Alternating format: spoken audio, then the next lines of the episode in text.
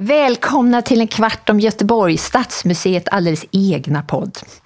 Jag heter Ylva och med mig i studion idag är Håkan. Och eftersom det här är vår sista podd för året så tänkte vi passa på att se tillbaka på år som har gått. Mm. Och det har ju du Håkan gjort genom att titta lite i tidningen.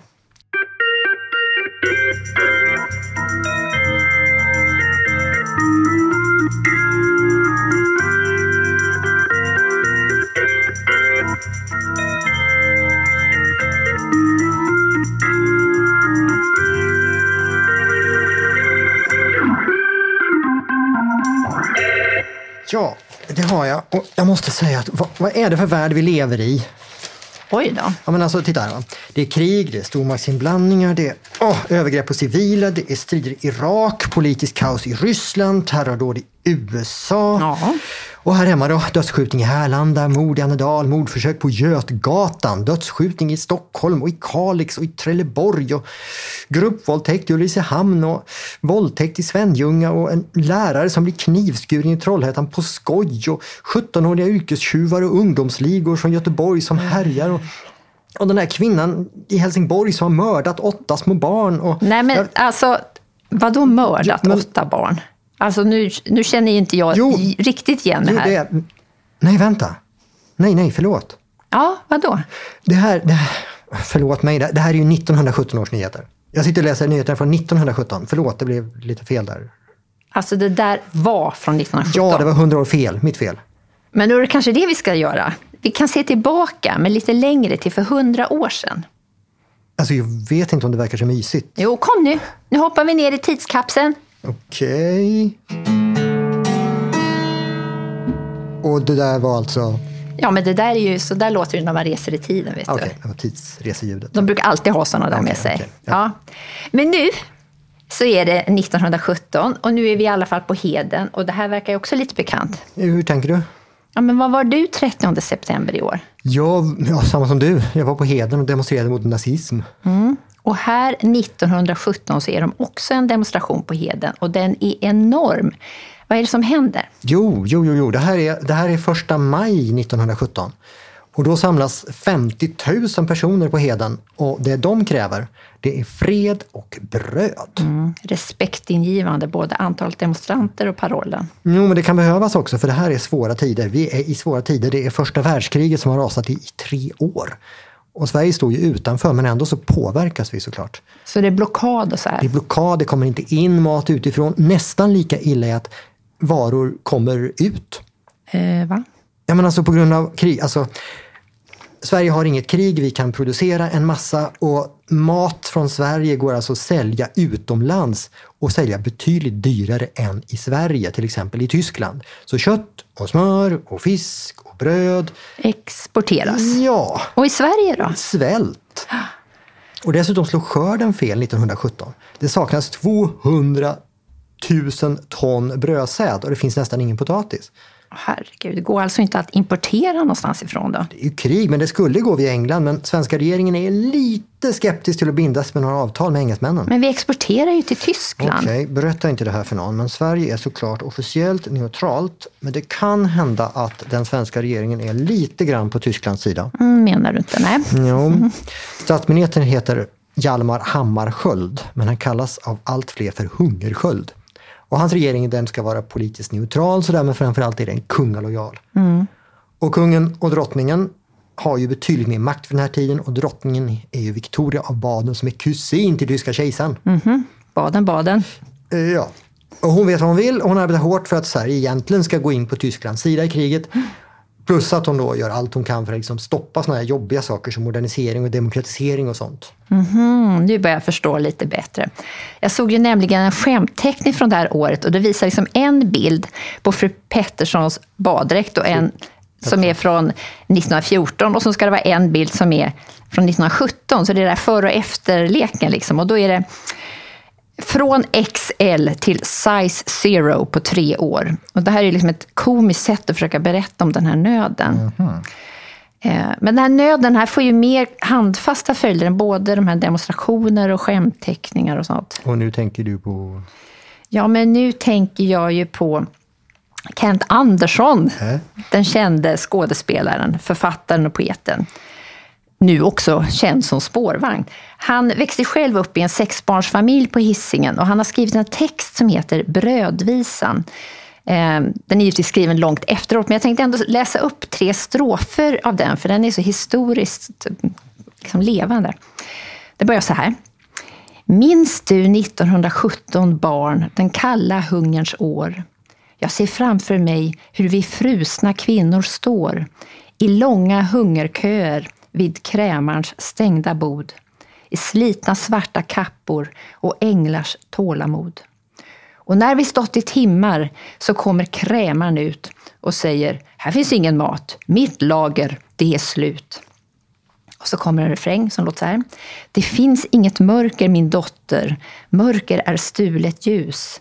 Skäl krämaren ljuset ifrån dig, så bryt dig in i hans hus. Och så nästa vers låter så här. Vi visste att i lagren fanns mat åt våra små. Potatis, fläsk och mjöl och gryn. Var skulle det då gå? Det skulle gå till Tyskland, fast vi här hemma svalt. Det hade Sveriges drottning så viseligen befallt. Där skulle andras hunger ge sjudubbel profit. Så sätt dig mer till kräman din lit. Och så kommer den där refrängen igen då. Och så tredje strofen som låter så här.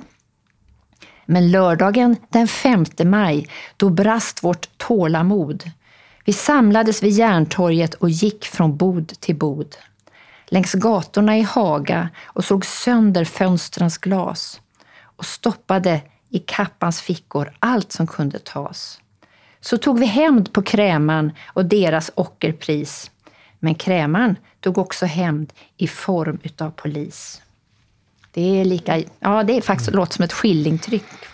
Ja, och det här handlar om? Det här handlar ju om brödupploppen 1917. Då får du berätta lite mer.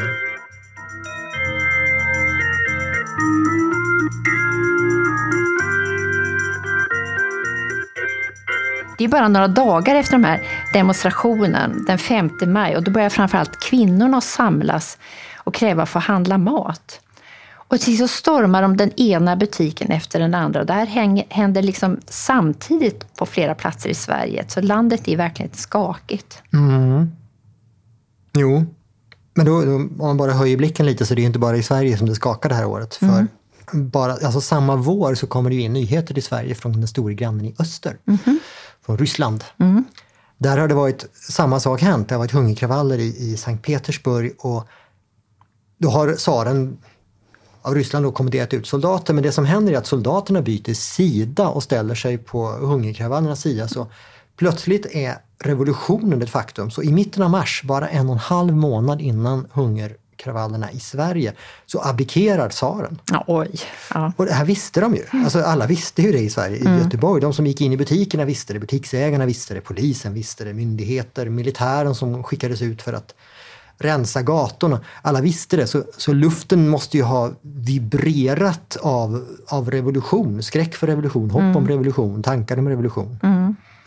Det tror jag också, men för många tror jag också att det, det som framförallt vibrerar är den här känslan av att man inte har mat i magen. Jo, såklart.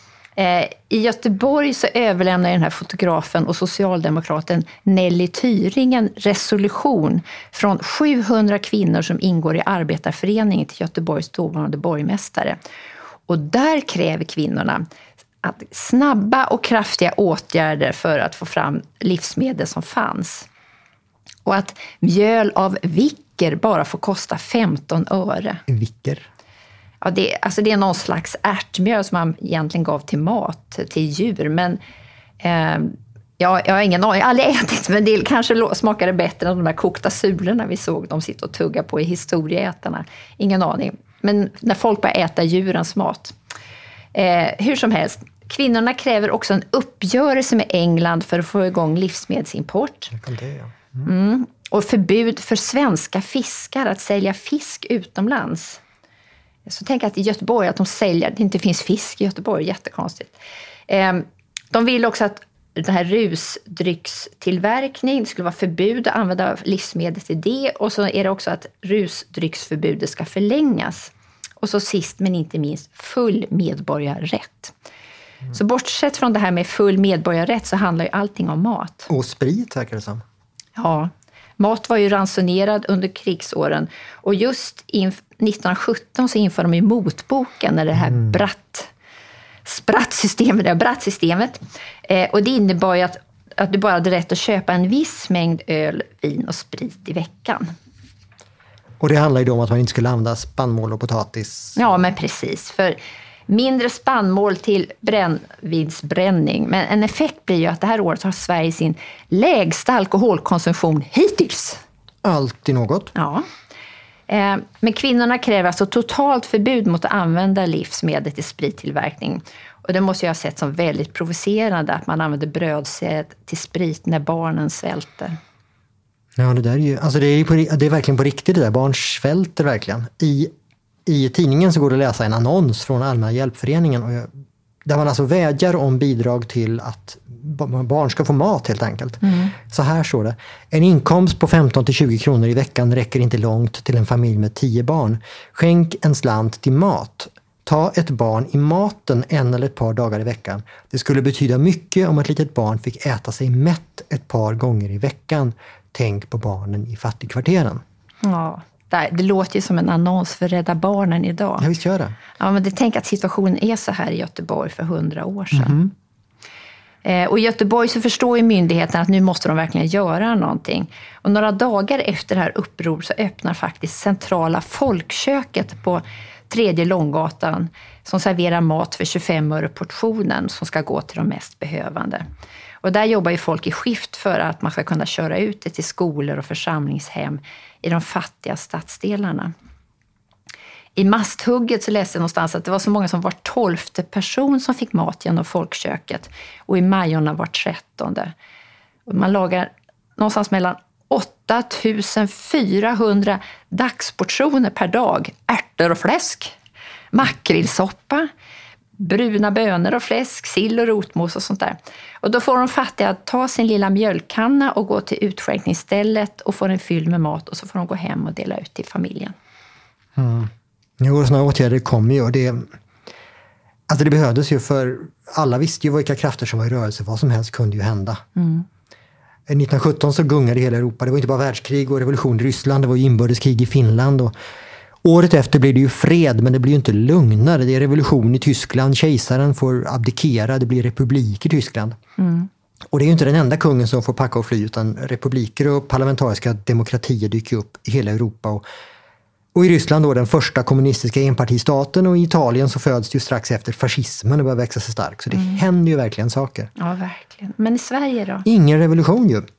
Och det, säg, det sägs att den svenska kungen har sina väskor packade alltså om han och den kungliga familjen ska behöva fly. Men de här mm. turbulenta åren pressar ju de som har makten så istället för revolution så, så blir det ju allmän och lika rösträtt här i åren som kommer. Mm. Och sen förlorar ju kungen successivt sin makt och arbetarrörelsen växer till sig. Inte minst i Göteborg. Så det är ju ur de här åren ändå som det moderna Sverige börjar ta form. Mm. Det är, ja, det är mycket händelserikt. Men jag tänker det där med rösträtt är ju en historia i sig. Ja, den borde, skulle vi kanske ta med i en podd någon gång? Ja, inte minst det här kampen för kvinnlig rösträtt. Mm, absolut. Det var ju ett hårt år det här nu, 1917, uppenbarligen.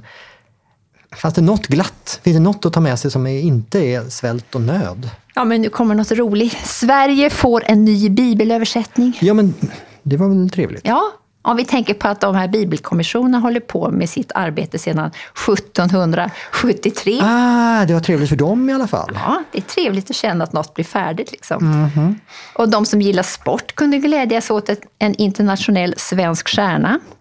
Sommaren eh, 1917 så satt ju löparen John Sander världsrekord på 1500 meter. Spring John, spring. Ja, han sprang fort. Och de som går på bion de kunde njuta av Kapten Groggs äventyr. Vill jag veta. ja, men det här är den första svenska animerade filmhjälten. Någon sorts sjökapten med röd näsa och flaska i fickan som reser runt på äventyr. Och 1917 så kom det inte mindre än tre sådana här Kapten Grogg-filmer. Bland annat är han i Nordpolen och groggar. Och det här är samma år som spriten ransonerades? Mm. Okej, okay, Kapten Grogg gjorde säkert succé. Ja, det gjorde han nog. Dessutom så är det ju en revolution på biograferna i Sverige. För det här året så kommer pianofoner. Pianofoner. Ja, det är en slags apparat som gjorde att alla svenska biografers pianon blev självspelande. Piano, ja visst det. Ja, det är ju stumfilm. Jaha, såklart. Mm, hoppas det inte betyder att en massa biografpianister blir av med jobbet på kuppen. Nej, jag, ja, jag har ingen aning. Det så kanske det blev. Jag tänker att det var en tidig robot, robotisering. Mm. Men om vi tittar på innovationer så fick Sverige sitt första flygbolag. Och sen så får vi våra första körkort. Mm. Det är bra att ha. Och så lite annat intressant. Göteborg får sina första vattenklosetter. Oh, i utedassens tid ja. Alltså det, det, händer en, det har hänt en del sedan dess kan vi säga. Göteborg idag är ju verkligen inte Göteborg då. Nej, och det är ju mycket tack vare att de här fattiga och hungriga göteborgarnas kamp. Vi behöver inte köa för att kunna få kafferanson på ett hekto per person till jul. Nej, det är sant. Vi behöver inte skicka ut våra barn för att samla kottar för att hålla värmen inomhus. Nej. Jag måste säga, jag, jag vill faktiskt så här, eh, i radion då, buga för deras arbete och jag vill säga tack. Ja, det gör jag också då. Tack till de som stod upp då och tack för idag. Ja, men tack.